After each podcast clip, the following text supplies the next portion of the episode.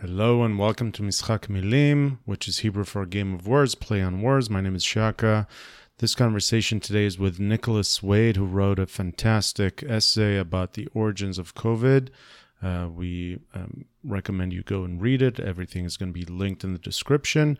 This was a taboo topic a few months ago. Uh, Facebook, if I'm not mistaken, today or yesterday, um, reversed their policy to remove any content that claims that uh, COVID was originated uh, anywhere else than in the wet markets of Wuhan.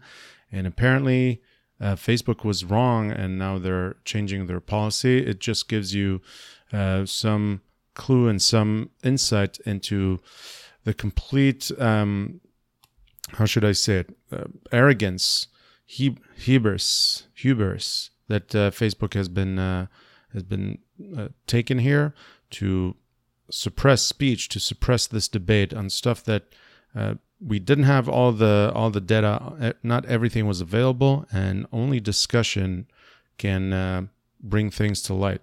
And Facebook were not the only ones. YouTube were the same, and Twitter were doing the same. I don't know who exactly reversed what by now, but uh, they were all suppressing this. And Nicholas Wade wrote this essay as a bold step. Unfortunately, it's bold now to uh, go and search for the truth, and he did it in a tremendous fashion. I will let him speak. This is a this episode gets a little technical, but I think it's a it's at a level that everyone can follow. Uh, and give us feedback if you think otherwise. Uh, a lot of links in the description. I will say just one thing uh, towards the end of this conversation. I am referencing something that happened in China where they stopped domestic flights and and kept the international flights going. So there is a small correction there. I'm going to put that in the links. Uh, it's not completely clear what exactly happened there. The flight records are contradictory. So um, the flight plans look as if international flights came um, went out from Wuhan. but not exactly. Some of them were canceled, but they were still registered and all that. I'll let you read through it. So my claim there is not completely accurate, or at least uh, not verified as accurate. So I just wanted to say that as a correction preamble beforehand, uh, and you can read the specifics uh, in the links.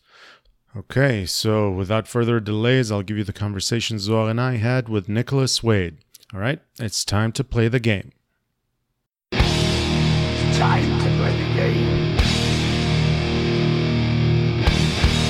Time to play the game!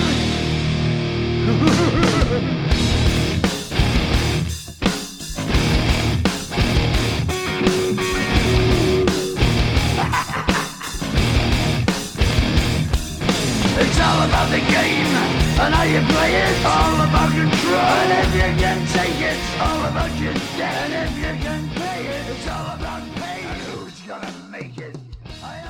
Hello and welcome to Mischak Milim, which is Hebrew for game of words or play on words. My name is Shaka, and I'm here with Zohar, my brother and co-host. How's it going? Shalom Shaka. What's up? All good. Um, I want to remind you that this is the podcast where Zohar and I are making an attempt to sounding smarter than we really are, but never succeed. And if you if you'll think about it, can be interpreted both ways. So just think about it later. Uh, today we are hosting Nicholas Wade. Hello. Uh, hello.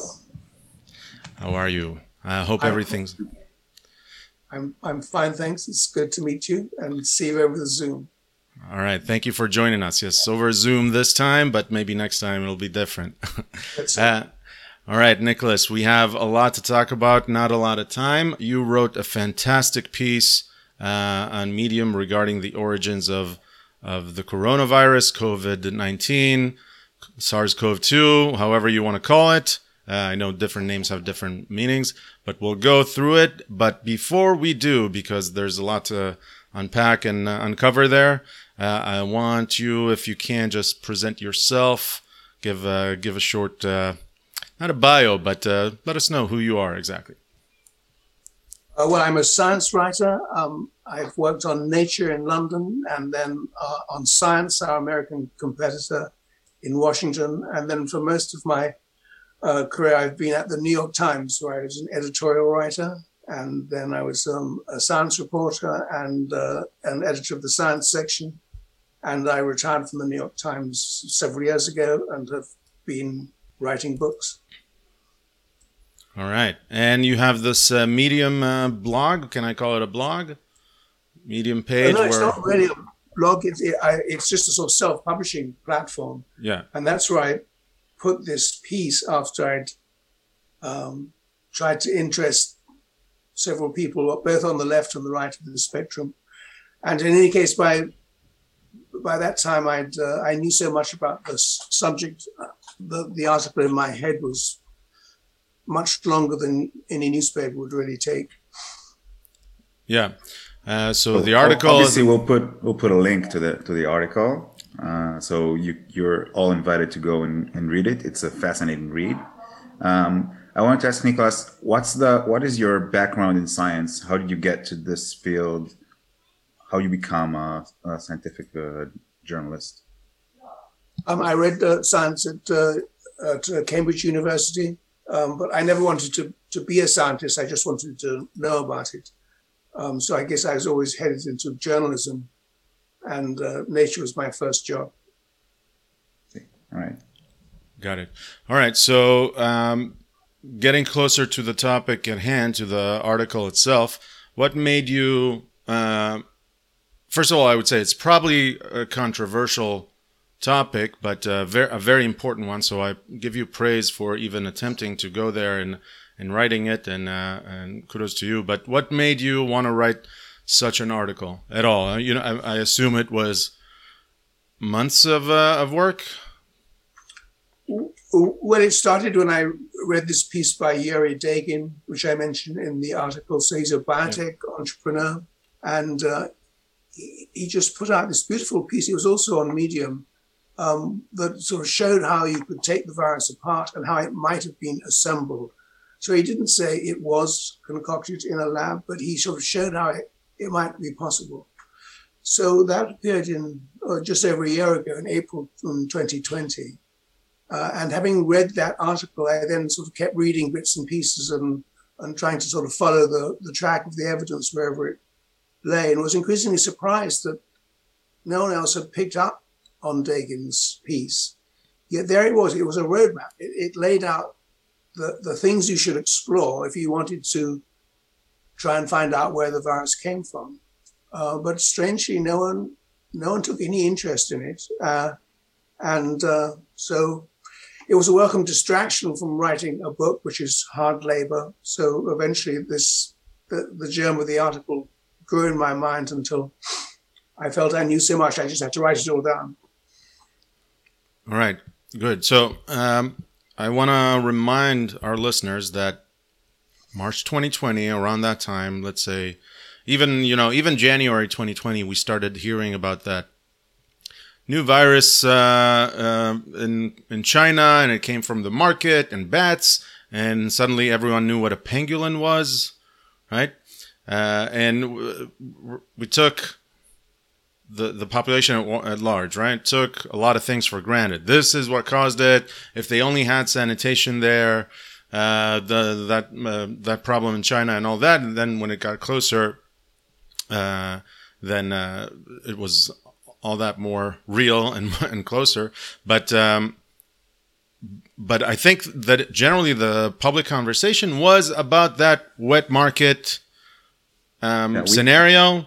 We all Animals- got this meme with the with the bat in the soup or something like that. We all saw this this yeah, image. memes and all that that we took for granted. Someone said a thing, we don't know who that someone is, and we believe it. I'm saying as a general population, that is the narrative, and it's just it just uh, I want to it's it's an observation showing how narratives really spread and with no additional evidence, right? And that is now a year later, 15 months later, we're still somewhat stuck with that narrative, even though it has very little ground to stand on. And your article, uh, your piece, essay, piece, article, uh, just puts, uh, you know, takes every argument on, and, and every um, uh, point made on the side of natural occurrence, and uh, I think dismantles it pretty thoroughly. So uh, let's let's uh, go and dive in. I think we should start with some definitions and basics. Okay. Yep. So uh, because it's going to be maybe uh, slightly technical, as your article was, I think, to to a very tolerable degree. Uh, but uh, let's let's talk about it. There's a, a, thing that is important to understand. That's gain of function research, G- GOF, gain of gain of function. Can you explain it uh, a little bit in your own words? Well, it's something that's been going on for about 20 years, and with the new techniques of genetics, uh, virologists can take a natural virus and they can enhance its properties. They can make it a more dangerous pathogen. So you might ask, why on earth would anyone want to do that? Well, the rationale is that virologists can hope to get a step or two ahead of nature, ahead of what nature would do in any case given time, by by predicting and and hopefully forestalling future epidemics. So we know that we've had two bad epidemics already from these bat uh, coronaviruses, and so the idea was if you uh, could could tweak tweak the virus in various ways, you could you could delineate the most likely route by which it w- would become a human pathogen. So that is, that is that is a gain of function experiment. So any any experiment that enhances the ability of a pathogen to cause disease. So and there, there was the SARS and the MERS, the two other uh, corona-related pandemics that were. Uh, it wasn't pandemics, right? There were pandemics. Epidemics. There were it just pa- epidemics. Pandemic, right? pandemic when it's going global. Epidemic Global, is when right. it's uh, when So it's, it's- uh, local. So these are the two related epidemics that were uh, in the past, and basically researchers said, let's get ahead of the next uh, virus. Let's make it in the lab, constrained. We can study it. We can understand how it works, and then when it's naturally occurring, we can use our research to deflate it before it's uh, it's getting big. Right? Right. That's the idea. So, So- you're saying, yeah. Sorry, Zal. So I'm saying, even uh, let's say, let's assume that this is the case. Uh, our success with uh, getting ahead of the of this coronavirus is not is not uh, terrific. Let's say we since we have so, a so so let's ask more generally. So you said it's been going on twenty, uh, roughly twenty years, probably around the genome um, uh, project. Uh, um, so, um, what have been the benefits from your uh, background and your knowledge? What have been the benefits of gain of function research thus far, independently of COVID of, of COVID nineteen? Right. I mean, in view of the, the critics, the benefits have have been pretty minimal, uh, and the risks have been very large. Um, so, you know, I think that probably is overall a fair statement. Uh, And there's quite a lot of research being done. One hesitates to say, well, it's all useless, but but I think it's fair to say it hasn't produced any sort of big gain. So you can you can certainly say that the gain so far has not been enormous. And What's the strongest case for it? What was the biggest gain? Even though you may say it's not big enough, but what was the biggest? If someone would come and say, "This is what we," you don't even realize how uh, terrific this is. We couldn't have done it without gain of function. Is there such a thing that you can think of? Um, I, I, I'm not knowledgeable uh, enough about the field to say. I think biologists would probably come up with lots of, little bits and pieces of research saying, um, you know, by you know, it's a reasonable proposition, I guess. You know, if you can put something together, then you really understand it. So we probably do understand quite a lot, a lot more about how viruses work, at least from a theoretical point of view, because of gain of function research. But there hasn't been any enormous breakthrough that I'm aware of that has allowed us to to predict or prevent uh, an epidemic. Okay, and do you are you aware of any gain of function research that spilled over into um, military industrial complex uh, stuff? Because you know we've seen movies. Uh, if uh, if a virus is uh, being manipulated and they're trying to research and know more about viruses, there's the evil uh, general that wants uh, that wants to take it and use it as a weapon. No. Yeah, there's a constant sort of background chatter about whether there was Chinese military involvement. So I've tried to avoid all that because I Mhm. don't know anything about it. It seems to me you, you have a much clearer discussion if you stick to the science. And, and the first question is did it come from a lab? Did it escape from a lab? Now, it could well be that there, there was military involvement. And if, for example, the Chinese military had, had- shown a great interest in these viruses, which are, after all, kind of lethal, and if it had tried to develop a vaccine to protect its troops, I think this would, most people would regard this as a routine military activity. This is what militaries do. Um, now, if beyond that they'd actually tried to make a bioweapon of it, um, I, I, I just have no information. I just have speculation. Um, you know, militaries have crazy people just as the rest other institutions do. So there could have been some branch of the Chinese military that wanted to explore making a weapon of these coronaviruses. I mean, most military people, as I understand it, really do not like chemical or biological warfare. It, it's it, these are ugly, messy weapons. They're hard to control.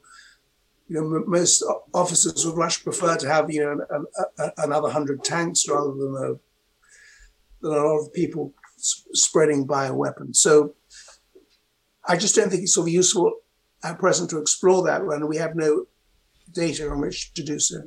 All right, I, I want to uh, reinforce what you just said, and I, uh, I I wanted to bring that topic up, but I think it's the easy escape because obviously, yeah. Uh, first of all, it makes things more complicated, and you need more evidence, and it's confidential, and you you're throwing a lot more politics in there, and you should avoid it in your in your essay.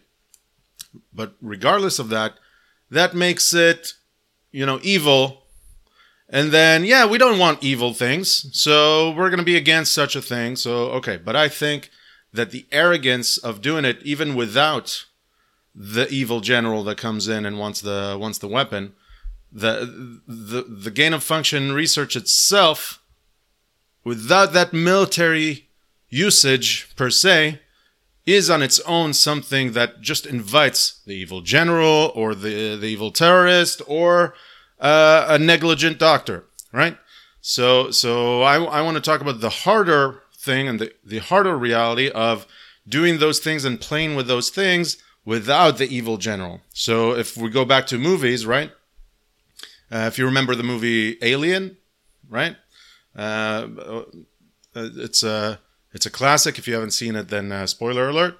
But uh, you know that they take the the alien, they take that uh, larvae and everything that that parasite and there's someone the science officer is actually an android is, is trying to harvest that alien trying to trying to get that alien to research it and maybe use it uh, eventually right to to gain gain of function on the xeno, xenomorph and i think that the human race regardless of of uh, uh, military usage, the human race would have would have done the same with outside of the movie realm. We would have taken that xenomorph and we would have tried to research it and tried to control it and see how we can defend ourselves from the other xenomorph species and all that.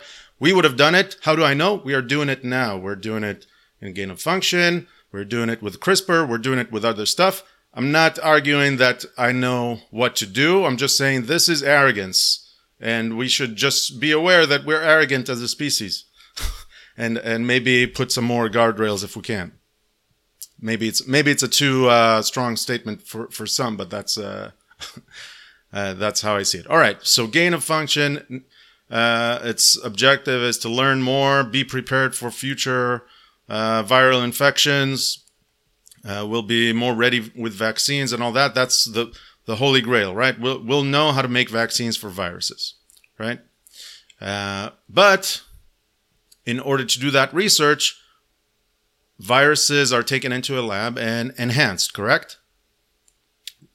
Uh, yes, I don't know that all vaccine technology depends on gain of function, but certainly some of it um, uh, might do. So, um, a part of the research, again, some of those are the places that do gain of function, they enhance and make it more, make the viruses more inclined to infect human tissue, make them more adaptable to humans. That's part of the of the thing. In order to test it, you need to make it infectious first. No. Um, yes, that's right. I mean, you tested it on humanized mice, not on human subjects, but but yeah, that is the that is the goal. All right. So that's So- so uh, So in na- so in nature, the there are a lot of uh, coronaviruses. It's a whole family, and there are a lot of them in actually in bats, um, and they're and they can't infect human cells most of the times, right? And what what they do in the lab is they try to uh, see what what what kinds of manipulations the viruses can go through that will cause them to infect human cells, and this is what they're researching. Am I am I correct? Uh, yes, that's right. You, t- you take you take you start off with a particular coronavirus, and then there are various things you can uh, do to it to make it more infectious. You can drop in the gene for a spike protein from a, a different virus that may have a better affinity for human cells. Uh, you can insert this thing called the, the furin cleavage site uh, that makes human cells much better target. Um, there are all kinds of things you can do to, to soup up the virus, to, to enhance the virus's ability to infect humans. So, can you describe just uh, in a couple of sentences what do we know about how SARS 1, the 2002 epidemic, and MERS, how did they came about? Uh, just again, I know you're not the the one that made the entire uh, uh, all the links in the chain, how it how it uh, came about, but there there's general knowledge on how this worked back in 2002. Can you describe it? Well, in the case of SARS 1, which was the 2002 epidemic, um, we know that it, it jumped from um, bats to, to civets, which are kind of animals sold in Chinese wet markets. And from civets, it jumped to people. And you can follow the mutational changes as it made these jumps. It would acquire one mutation after another, and each mutation made it sort of better able to affect civets and then better and better able to affect humans. And when it had accumulated, I think it's something like 32 of these mutations from its sort of bat form, it then became a, a, a very fierce human pathogen and set off this uh, epidemic. So, so the case of MERS is, a, uh, is not quite so clear cut. And I, I think I might say we haven't yet, we're not really sure of the bat population for the, the virus found its way to camels or dromedaries. That was the intermediary species. But once it was in camels, it, it then again made sort of several jumps to humans until it sort of perfected its ability to in, infect human cells and set off that epidemic. So there is a genetic uh, trail of crumbs, if you will. I, I don't know if I'm translating it correctly, but uh, a a track record genetically that we see the different mutations and how it slightly changed from step to step, how it came from bats.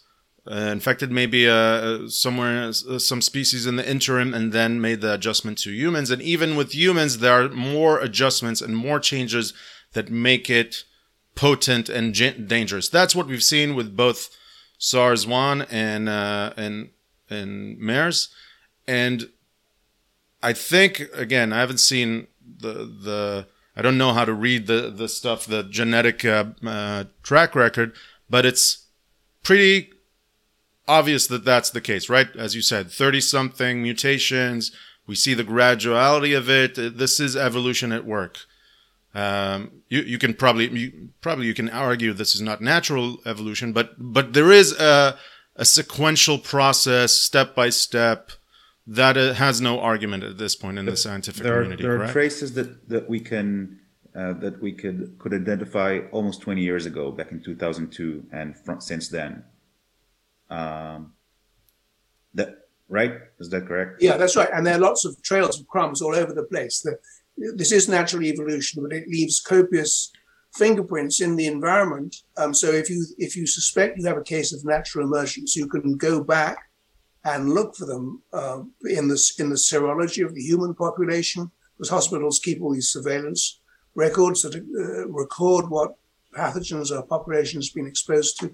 You can look for, for your trail of crumbs there. You can look for your host, uh, intermediate host animal, and you can try and find the source bat population from which it all came. So there's lots of evidence waiting there to be found in the case of natural emergence.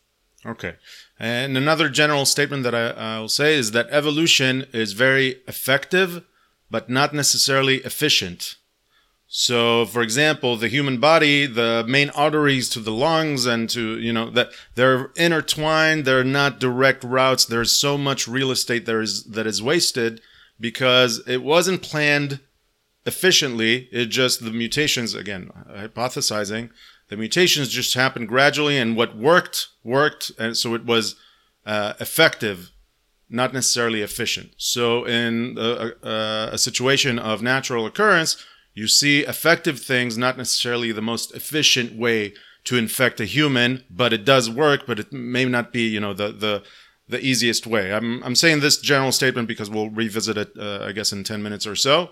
Um, and, um, okay, so by the way, the SARS uh, virus, the SARS 1 virus, is still very close to the origin that came from bats, right? And and bats are somewhat susceptible to it for it, or at least we know what makes it susceptible for bats, right? We, the the backtracking is pretty straightforward. We know the the the human version of it, we know the bat version of it, and we know how it came from one to the other, and how to what relation it has to to bats and infecting bat tissue.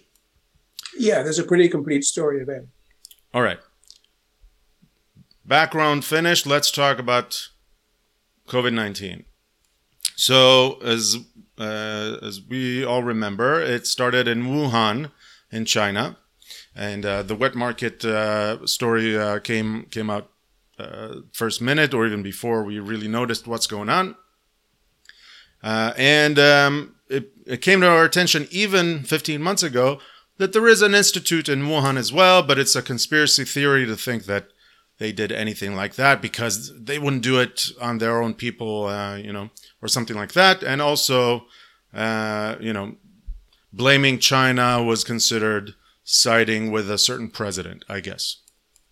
Uh, but we can we can leave the politics aside. So, right next to Wuhan, there's this uh, virology institute. Uh, can you speak about about that institute just a little bit? And we'll see what they did there and uh, what information is is uh, known to us uh, at this time. Well, the Wuhan Institute of Virology is is the, the leading lab in China for the study of coronaviruses.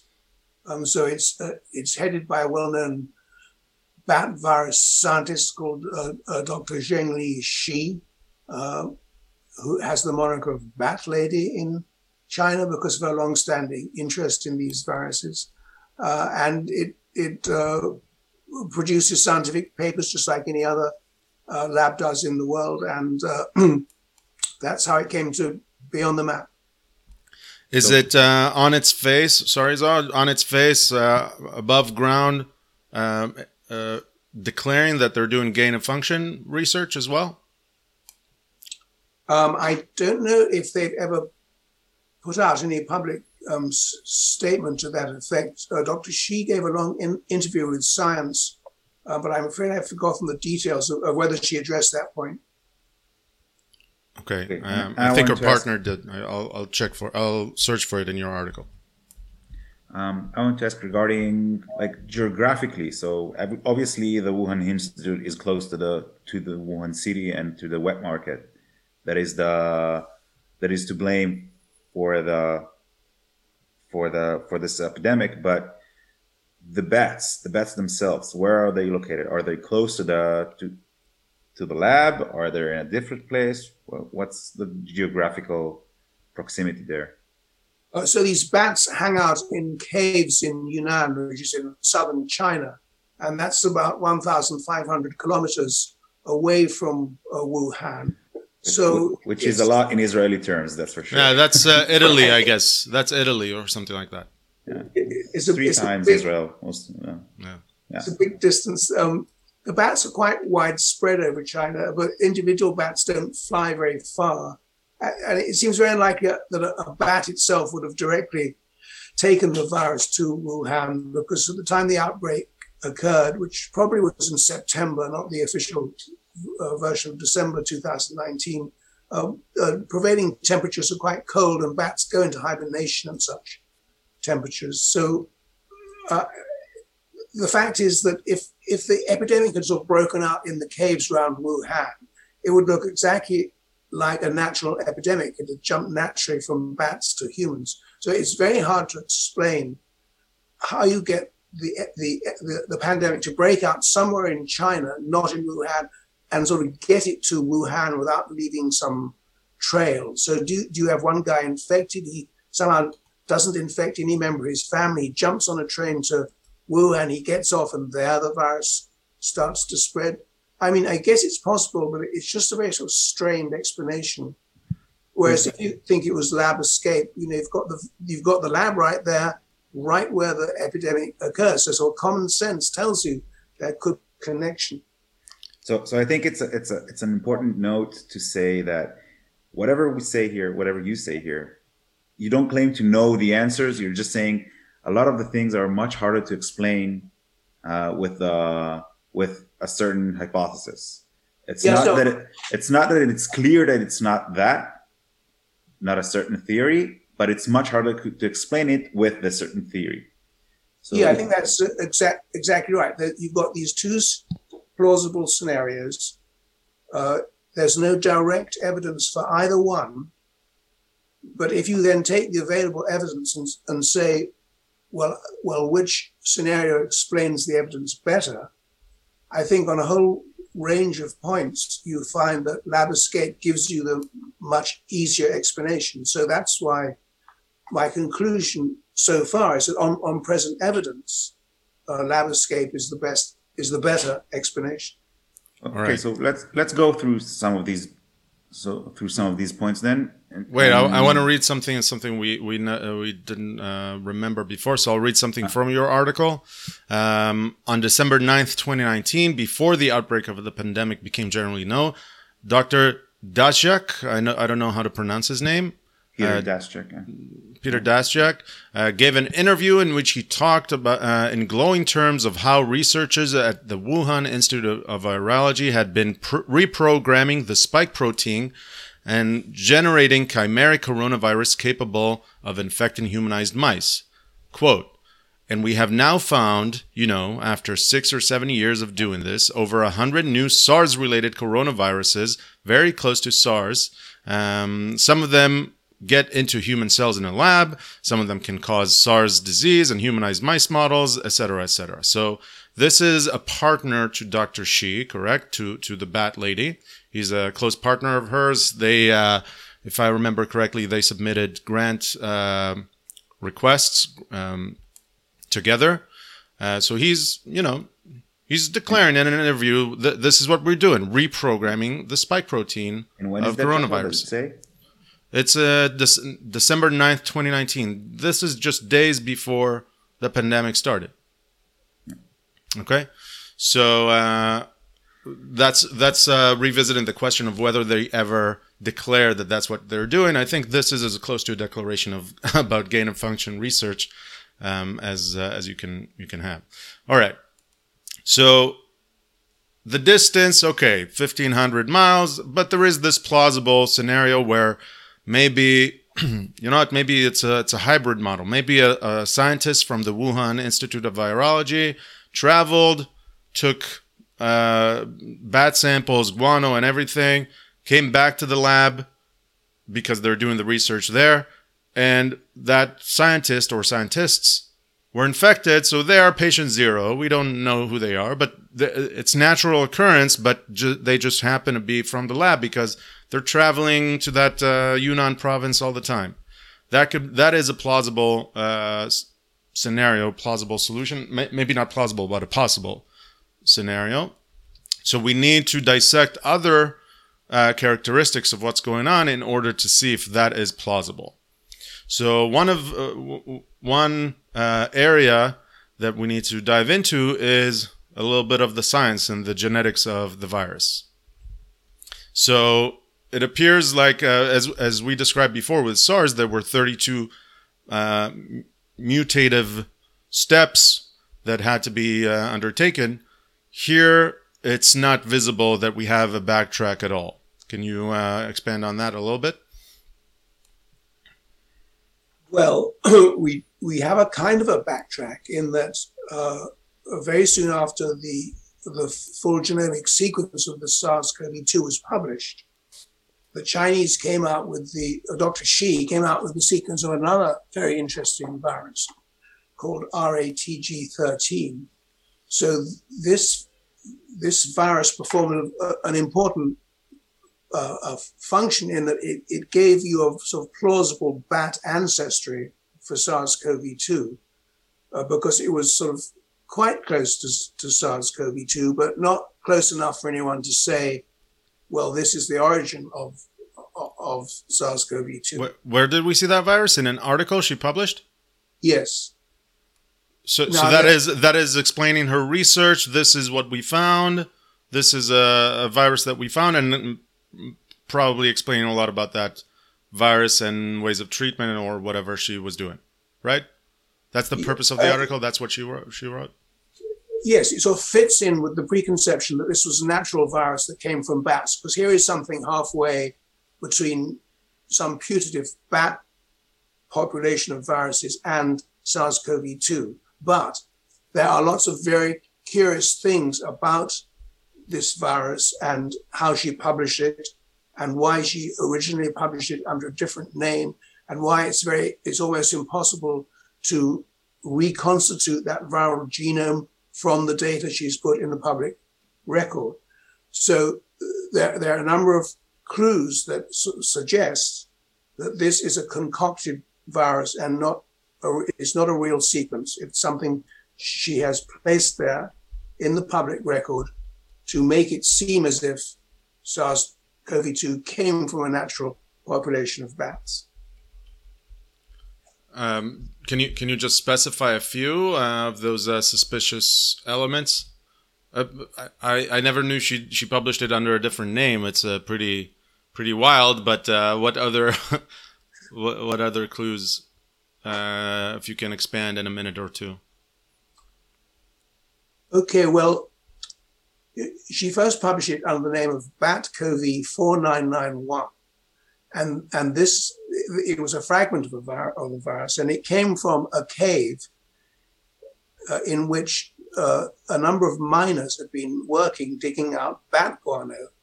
And uh, three or six of them all died from exposure to a virus in that cave, which seems to have been very SARS-2 like, according to uh, uh, the, the, the, the pathology.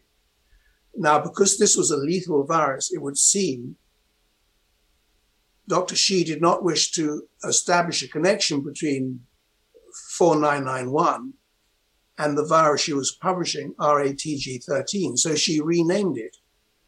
We know she renamed it because the fragment of 4991, it's just one gene, is almost identical to that of RATG13. Mm-hmm. So firstly, she renamed the virus without saying she'd previously published a part of it.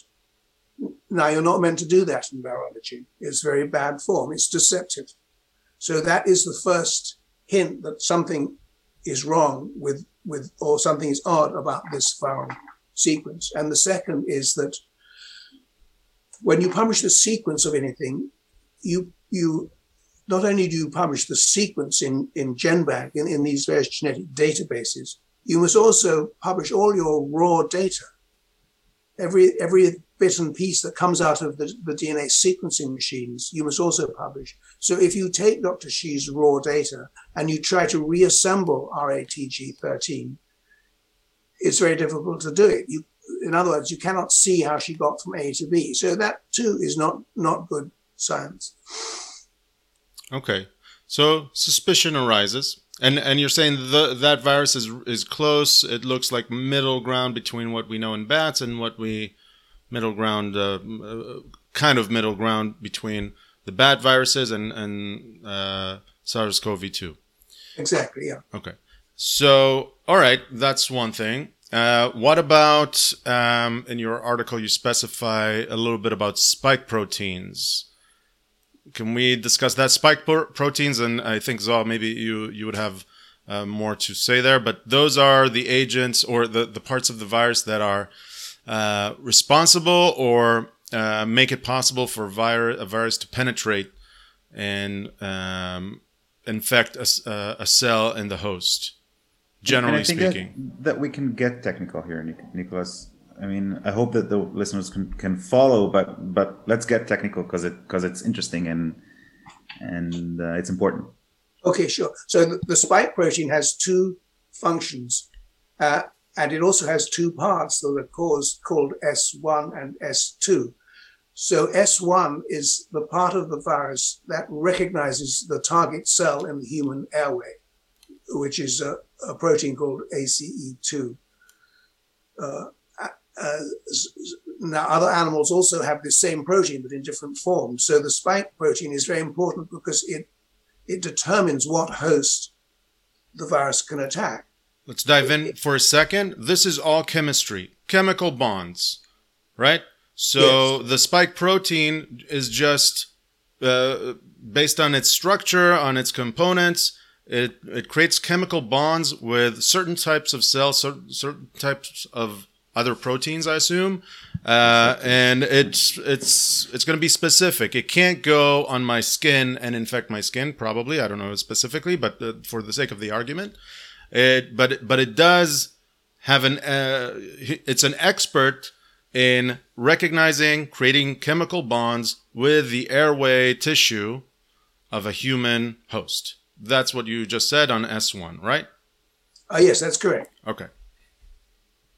So, so, so this is the first part of the spike spike protein. The, the S1 it has what they call the receptor binding motif that recognizes very precisely a, a, bit of a protein molecule on human or, or other cells. The, the protein molecule is ACE2, and depending on the, the exact sequence of amino acids in the uh, receptor binding motif, the spike protein will, uh, you know, attack uh, bats or cats or mice or, or humans. Um, it's all it's all very specific. And then the other part of the spike protein called S2, that is the one that helps it uh, merge with the membrane of the cell and drags the, the virus into the cell so it can inject uh, its nuclear material and hijack the cell's uh, protein, uh, uh, DNA making machinery and order it to make more viruses.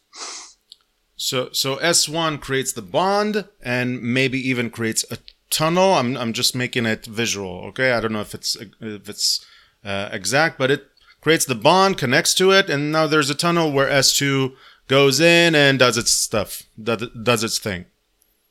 That's Something right. I like didn't know that? exactly a, a tunnel. I didn't know if anyone has visualized it, um, but it, it, uh, S2 certainly does merging with the membrane. That that is the thing that penetrates the membrane. S2. I think a- what I think what happens is that the, the membrane of the virus sort of merges into the membrane of the cell. So diffuses, there's- yeah. hmm That they Yeah. fuse, and then the, the virus's genetic material, which happens to be RNA, not DNA, is then injected into the cell. Okay, so that is pretty common, right? S1, S2. This is not uncommon spike protein uh, description, correct? Yeah, Yeah. all these coronaviruses have these spike Yes. proteins. Okay, so what in this case uh, stands out? Well, what stands out is that um, for S1, for S2 to do its thing, it needs to be cut away from S1. So the virus does not carry its own cleavage thing. It's a very sort of economically d- designed uh, piece of RNA. It relies on on the on the victim cell to make this cut. So all human cells have on them, not for this purpose, obviously, but for another purpose, uh, an enzyme called furin, which will cut proteins whenever it sees a particular sequence of amino acids. So if you want a protein to be cut by furin, you need to have in it this particular site recognized by furin. It's called the furin cleavage site. So if you look at the structure of SARS-CoV-2, there at the S1, S2 junction, just where you need it, is a furin cleavage site. Okay, so cleavage means uh, a- a split, right? Something that splits, and furin is the material. So you're saying that furin's cleavage is a chopping, you know, chopping knife. That's what it does. Furin cleavage from from now on. So, uh, so you're saying that the virus itself has a furin cleavage, or Yes, in its genome, Mhm. it has a sequence of, of RNA nucleotides that specify the amino acids in the yes? spike protein chain that that are the furin cleavage site. Okay, So, so in in order for the S2 uh, segment to work more efficiently, it has to be cleaved. It has to be cut from the S1. And and what, what but what's special about this uh, furin cleavage site? Why is this something that caused suspicion? I mean, I assume that for the for in natural viruses there is also some kind of cleavage site, and the the viruses are quite efficient. So what what rises the question about this particular uh, cleavage site? Okay, so there are furin cleavage sites possessed by other viruses, but in the family of viruses to which SARS-CoV-2 belongs, they're called sarbecoviruses. No other known member of that family has a furin cleavage site. So that raises the question of how did SARS-CoV-2 acquire its furin cleavage site?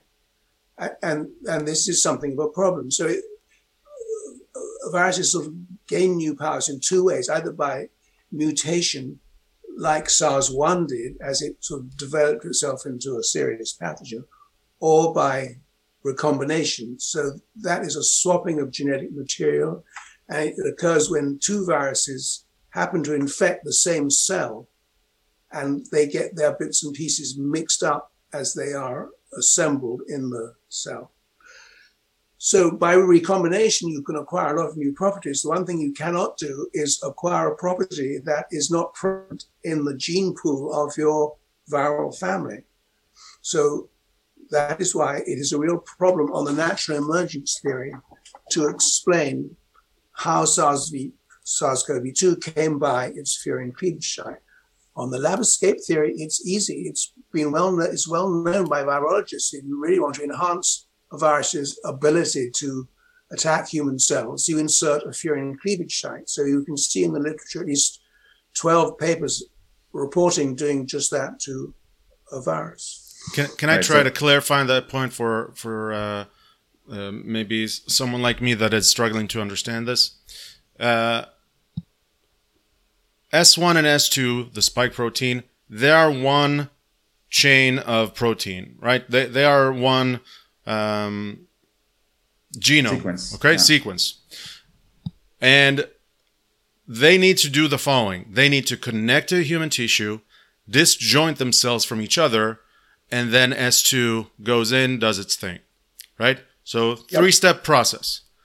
What happens here is that once S2 is connected to the human tissue, S1 and S2 are still connected, but with the connection process, there's this diffusion that you said, and that diffusion actually brings some of the uh, you know the chemical bonds actually go and cut the furin cleavage site precisely at the end of the S1 protein because this is the the furin cleavage site is very uh, adapted to the human tissue to do what it normally does, right? This is something that is known in human tissue, furin cleavage. This is precisely, again, I don't, I don't know, maybe I'm saying words that are not accurate, but humor me for a second. Uh, the human tissue knows this sequence of the furin cleavage that's a few amino acids one after the other. It knows it, what the function that it does, it cuts it. And that basically releases S2 away from S1 to do what it wants to do. Is that Right. what you're saying? So, Yeah, so the it. fu- the furin But- but cleavage not, is but it's, not, but it's not specific to human tissue. Um, it, it, it also occurs in other viruses. So no, this I- is not. But but the, but it's different uh, cleavage sites, right? This No, is no, what no. I'm trying to understand. The the furin cleavage, it's a specific sequence that may be slightly different with different animals. And ma- maybe it's, I'm wrong here, so please uh, explain what I, I'm not getting precisely. I know the, the furin cleavage site is always the, the same because um, furins, I think I might say all furins will cut at this um, particular site. What, what is different is viruses use different means of entry into their target cells. So bat viruses don't don't attack furin to get into bat cells. They have another target sitting on bat cells that they use to affect their entry. So, so what's interesting here is, if I understand correctly, is that the the coronavirus, all the coronaviruses, the entire family, doesn't use the furin cleave, doesn't doesn't use furin to cut it. It uses a different mechanism. It So does happen. It does right. It does happen with other viruses that they use the enzyme called furin to cut their their proteins. But so this is not something out of the ordinary. What's It is out of the ordinary here- in, in, in what's out of the ordinary here it's that it's in coronaviruses which and SARS-CoV-2 is the, is the only virus that has this uh, this sequence. The other interesting thing is that this sequence is used by humans to design cleavage sites. Is that is that accurate, Nicholas? I think we. Um, yes, that, that's that's right. I, I should explain that the, the, the in, in this sort of big family of viruses, it's called beta coronaviruses. There are, there are several subfamilies. Now, one of these subfamilies, I didn't mention its name in my article because it sort of sounds so technical. One of these subfamilies is called sarbecovirus. So, and it, and this is the family to which SARS-CoV-2 belongs. So no other sarbecovirus has this furin cleavage site. There are other beta coronaviruses in different families that do have furin cleavage sites. But viruses, by and large, don't combine outside of their own family.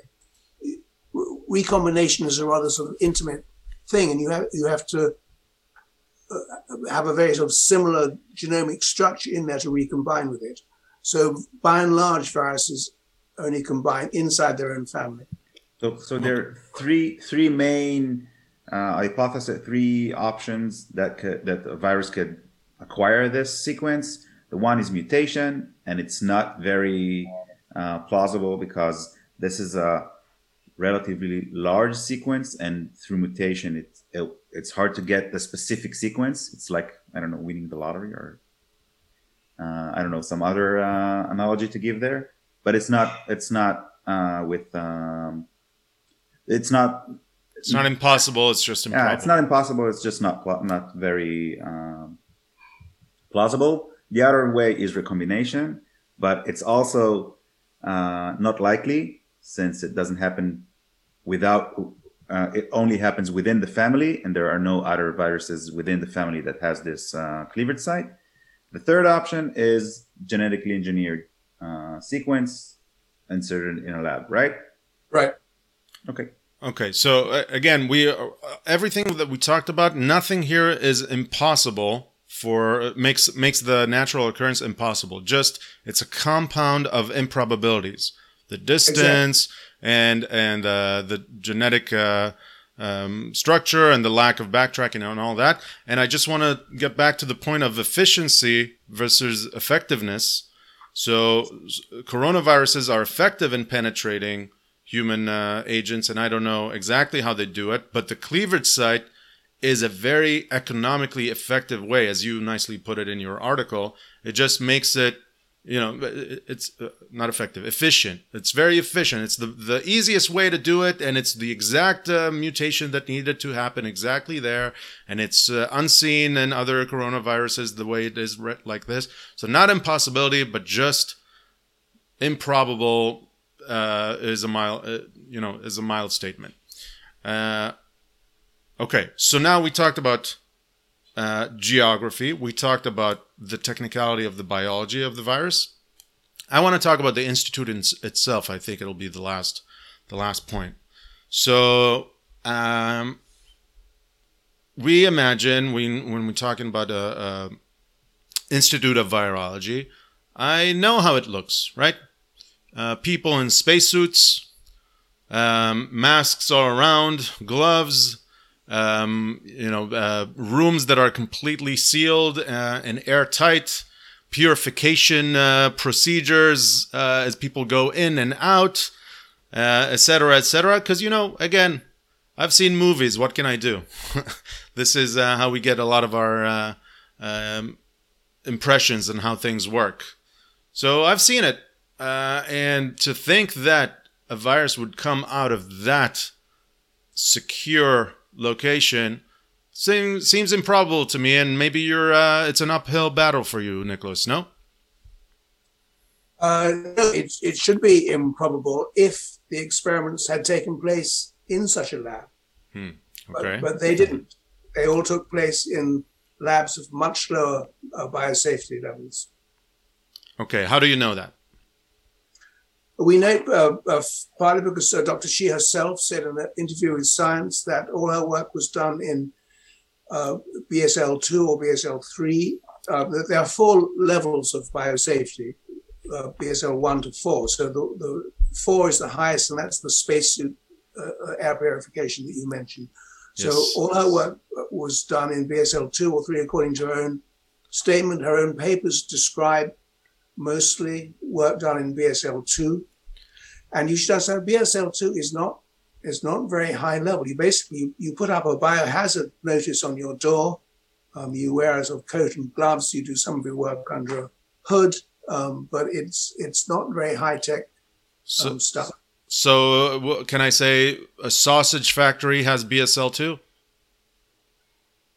Well, the analogy Roughly. is, is a, a dentist's Dentist, office. yeah. Yeah, dentist office has BSL two. So if you went to your dentist or maybe to your doctor, it's probably BSL two or very close to it, right? You you wouldn't Yeah. work with uh, with any No spacesuits. lethal, lethal viruses there, I guess. Okay, and You BSL three, BSL three is a, a, a big leap. Uh, uh, no, the big leap is between BSL 3 and BSL 4. So Mm-hmm. BSL 4 is, is used for seriously dangerous things like Ebola. Okay, so that Institute of Virology has worked on BSL 2 and BSL 3 safety levels. Again, bio uh, security levels, I think, BSL, right? Um, so, doing such a thing with, with coronaviruses that you're, you're doing gain of function research, making the viruses more uh, adapted to humanized mice which I don't know if we can uh, get around to d- explain what that is exactly, but mice that uh, are made more closer to the human uh, bio- biolog- biological um, uh, characteristics, I will say. Uh, so all, all that that's playing with fire. Um, but I think there was also a report from um, probably not the WHO. I think it was the the U.S. embassy that uh, sent um, uh, inspectors to that institute in 2018. Can you remind me uh, who that was exactly? Uh, yes, the, the, so this this BSL four lab, it was built under somewhat certain, uh, uncertain circumstances by the French government for the Chinese. So it's a very high tech um, lab. I think the French expect to be asked to run it, but I- I understand the day they finished it, they were, they were all asked to leave. Uh, for some reason, the officers at the U.S. embassy in Beijing um, decided to inspect the lab, and they reported back to the State Department that it was seriously deficient in its safety procedures. It, it was not being run correctly. Many of the things they did were inadequate. mostly um, shortage of uh, of, tech- of trained technicians, if I remember. I, I will I will quote from your article.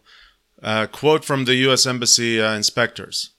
The new lab has a serious shortage of appropriately trained technicians and investigators needed to safely operate this high contaminated laboratory.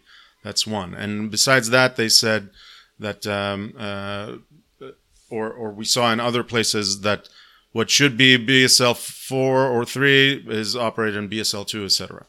Okay. So maybe not best practices. Okay, I get it. But um, uh, can we talk about what was maybe the the involvement or what was the the um, involvement of the U.S. in that uh, institute and where did the money come to that research and all that? Because I think it does add color to the situation. Granted, it should add a lot of noise. I don't want to add political noise here. I just want to give the full uh, context and and uh, background on what has been going on. But what's the involvement of the U.S. in this? Well, strangely enough, Dr. Shi's research was funded, uh, at least in part, probably in small part, by the National Institutes of Health in in uh, Bethesda, Maryland. So the NIH uh, gave a grant not directly to Dr. Shi, but to uh, to Dr. Peter Daszak, who we've mentioned, who is president of an organization in New York called uh, the EcoHealth Alliance. So Dr. Daszak is what they call the principal investigator, and he then subcontracted uh, the funds to Dr. Shi uh, for her to explore the range of coronavirus infectivity.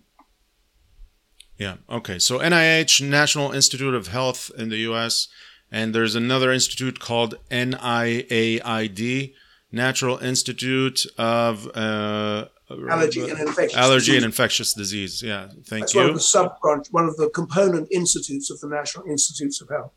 Okay, and if uh, if Israelis here think about the the coronavirus uh, project manager for the government, the NIAID is the the one responsible for that. That is the project manager for the U.S. federal government.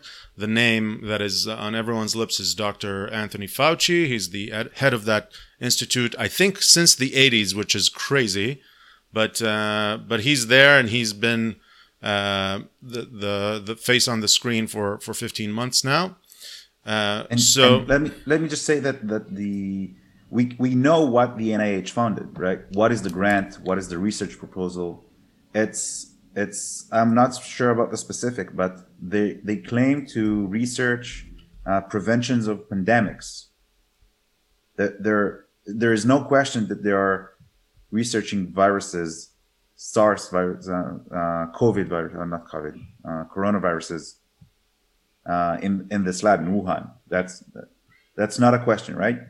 Not a question. Okay, so just you know, eleven days ago, Dr. Fauci was in this in a Senate hearing, uh, and he said that the the U.S. government was not funding gain of function research in uh, in that facility in the Wuhan Institute of Virology. So, what's the disconnect there? Can you explain that? Okay, this is a very complicated issue, and we don't yet understand the the bottom of it. But from what I've got so far, I think the situation is this: that the the, the government, the U.S. government, certainly did not intend to fund gain of function research at the Wuhan Institute.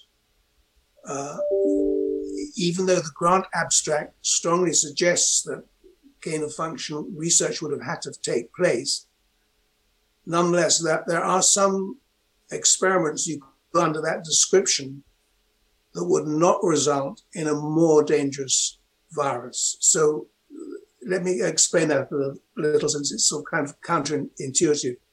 Supposing you took um, the backbone of, of a coronavirus, which had somehow been weakened or attenuated, as viruses say. So you've got this very weak uh, uh, backbone, not at all good at infecting human cells. So then you take the spike protein from another coronavirus, and you want to see how good this spike protein is at infecting human cells or, or probably your humanized mice. And you drop this spike protein or the gene for this spike protein into your attenuated background.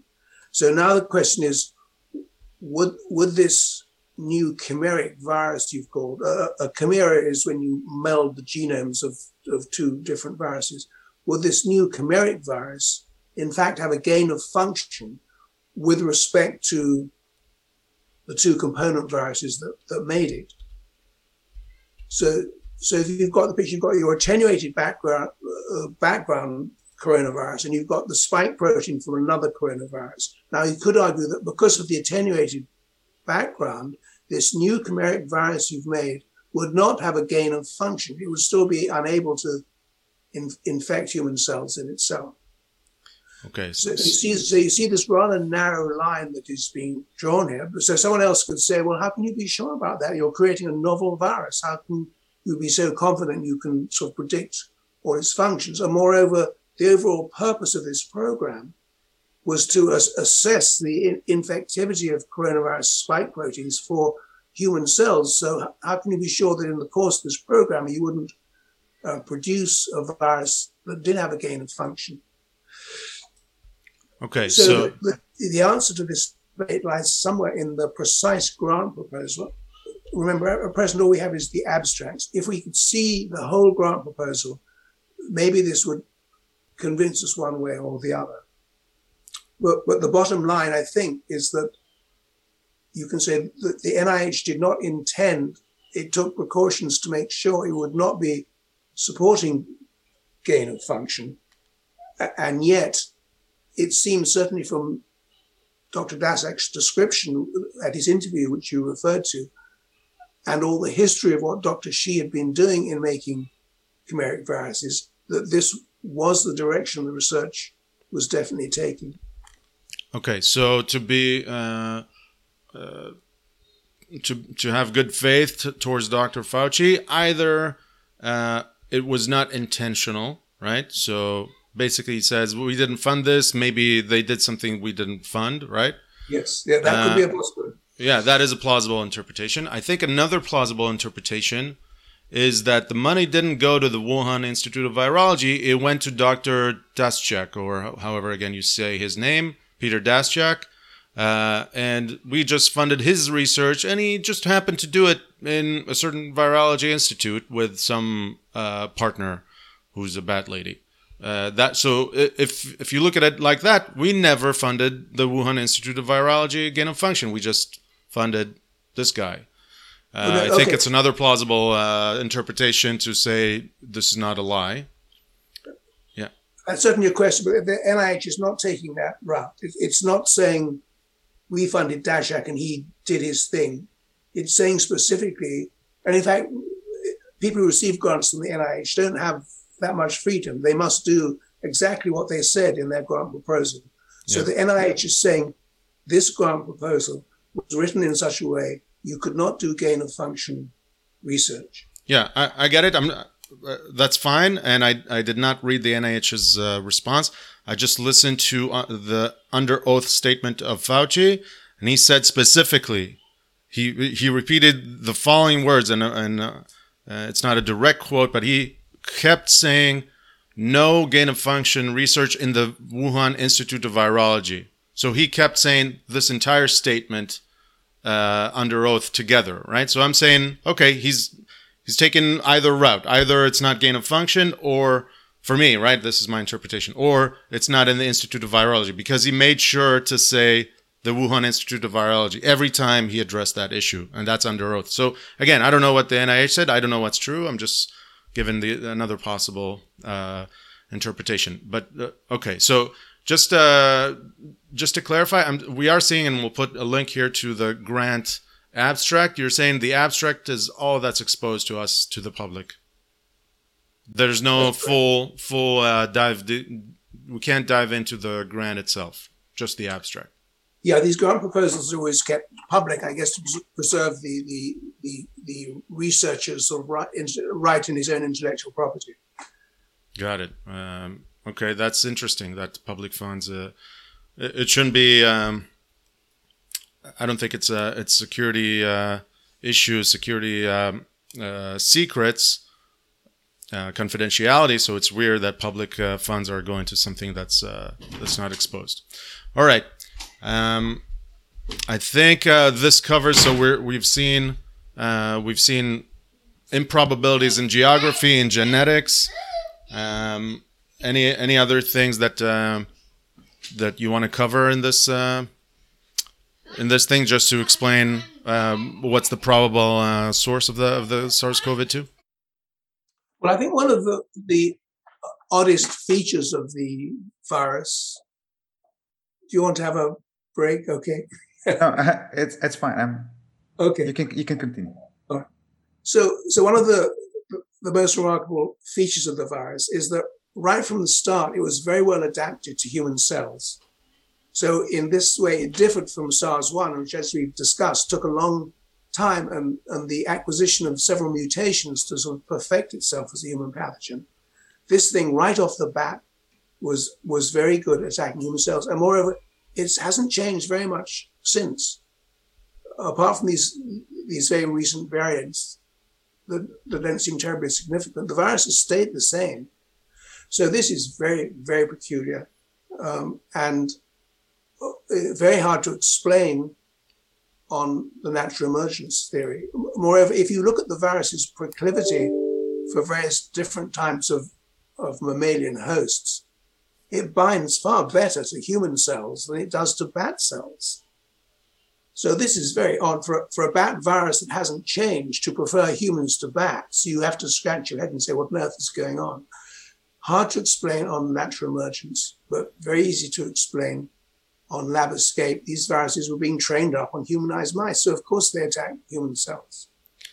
Yeah. And, um, and I, I urge all the listeners to go and read the, the article. It's, it's uh, really, really well written, and there are other uh, points there that are uh, that you talk about. Let's say like the, like the arginine codons that are not uh, not prevalent in in these kinds of viruses. But I won't go into the details of that. Just go and read the article. I just wanted to say that even if you are going for the for the um, uh, not not the natural occurrence, but going for a lab leak uh, theory, it doesn't mean that it happened uh, in a malicious way. It, it doesn't necessarily mean that someone planned on it to happen. Most likely, it happened by mistake. Uh, just they they did research this these viruses, and with some human error, it just leaked leaked out of the lab and started to spread. Now people are trying to persuade us that it didn't happen because of them or because of their research or it's not not related to them. So you can see how the human uh, the human mind wants to defend themselves and their reputation, uh, but it it doesn't mean uh, maliciousness. as as in with many things, uh, sometimes the cover up is worse than the the initial mistake, and to me it seems like I, I have no reason to believe there was maliciousness in in a leak, which is to me the most probable uh, explanation, but there was maliciousness in the cover up. And I'll just give there are a few examples, and you and you uh, talk about a few in your art in your essay, Nicholas. But one that I think really stands out is that the Chinese government understood that it has a crisis on its hands and basically put Wuhan um, province in aerial blockade, meaning there were no outgoing flights. But that's not completely accurate because there were no outgoing flights domestically into other parts of China. They completely isolated Wuhan from the rest of China and no outgoing flights, but they left outgoing flights to global destinations. So Wuhan airport, I assume there's more than one, uh, couldn't fly to Beijing, Beijing, but it could fly to London and to Milan, where the the first uh, Western world serious outbreak happened, and to New York and everywhere else. So the Chinese, in order to cover up and not and to save face, didn't want to stop uh, tr- uh, aerial traffic outbound um, because it would just be clear that something's up. But they did try to make the their population safe with stopping outgoing flights uh, into other Chinese destinations. So this is maliciousness, and the cover up here is worse than uh, than any uh, innocent mistake that may have happened in that virology institute. Um, I think the Chinese have a lot of accounting to do. Yes, maybe finally. Uh, Nicholas, maybe one, one more small question, and I think we, we can wrap up there. But I heard, I don't know, I haven't seen any uh, uh, reference in your article to this, but I heard that uh, the spike protein, uh, or maybe it's a different protein in coronavirus, it has the proclivity to uh, to create bonds with more than one tissue type the, in the human body. So not just area, uh, airway cells, but also maybe heart muscle cells, maybe other places. Is that something that you've seen uh, in your work, or or not really? So so it's suspicious that it can connect with more than one type of tissue. Have you seen something like that? I, I, yes, I've heard that, but I don't know enough about it to say anything. Okay, so we can leave it at that as uh, something we both heard of, but we can't say that it's true. Um, okay, I think uh, that's uh, that's a good uh, place to to stop, uh, unless you have any other uh, points you want to make. And assuming you don't, we always finish as we told you with some cultural recommendations, looking outside of this topic at hand, and maybe giving people some some uh, things to see, read, explore, expand their horizons, and, and see other stuff. I want to recommend something first to give you uh, another minute to to think about uh, a recommendation, and I will recommend uh, a podcast series called The Dropout. It's a it's a series. I think it's uh, seven, eight episodes, something like that, each uh, around thirty minutes, give or take, and that is about Theranos. Theranos was a company that I think explained, not explained, demonstrated uh, herd mentality, demonstrated how we can be convinced by narratives, as we talked in the beginning about the wet market uh, hypothesis that was just the, the narrative, the ruling neg- narrative, and that's it. So Theranos built a narrative around it, itself as a as a um, medical biotech company that developed a novel technology take a drop of blood and we can inspect any disease that you may have and it's a you know uh, the future is here this will change the world of medicine and all that but it was all a charade all all, all a sham.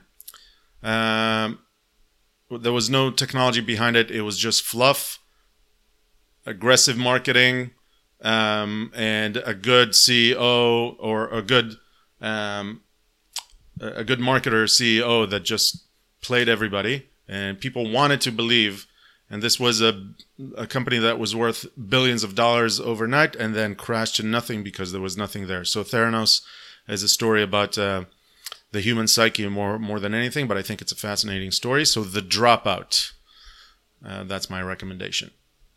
I'll, I'll do also a quick recommendation. Uh, now we are watching on Netflix. Um, we're watching Stiesel.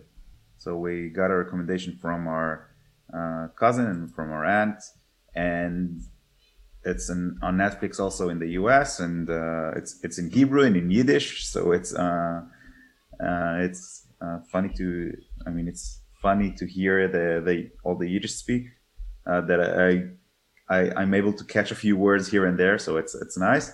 But there are also, of course, uh, English subtitles, and and uh, I know a, a few Americans that watch it that are not uh, Jewish at all. So it's, I think it's an interesting story. It's it's uh, well done, and I recommend.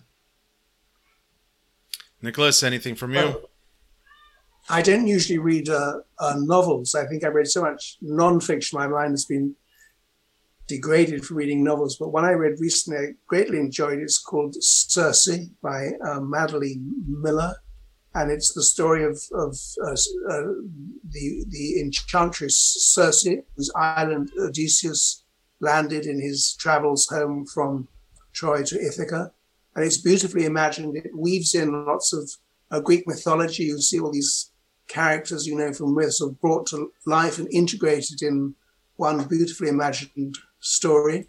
I didn't really enjoy the passage where Odysseus's sailors are turned into pigs, but but they get turned, turned back into men again, so that's not so bad.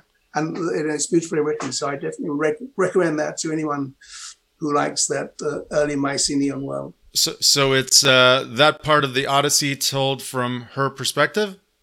Uh, yes, it's all centered on her and her island, uh, and uh, she visits other places in the world. She goes to Crete and visits King Minos, and she gets around the ancient world and brings all these ancient, these wonderful ancient Greek stories uh, together in a sort of united theme. Sounds good. right, sounds really good. All right, we'll we'll put a link to that.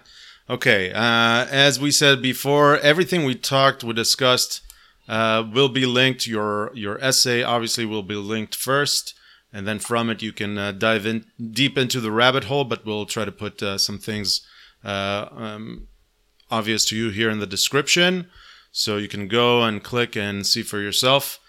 Nicholas Wade, I think your essay was of tremendous importance because if we don't know what happened, how can we improve for the future? So that's a very important for, first step. Uh, and unfortunately, probably a pretty brave step. Uh, so we congratulate you on both the achievement and the the ferociousness in which you've done it. So thank you very much, and thank you for coming on to discuss it. It was fascinating, uh, and that's it. Thank you, and thanks for a very enjoyable conversation. Thank you very much. Thank you very much. Until next time. Time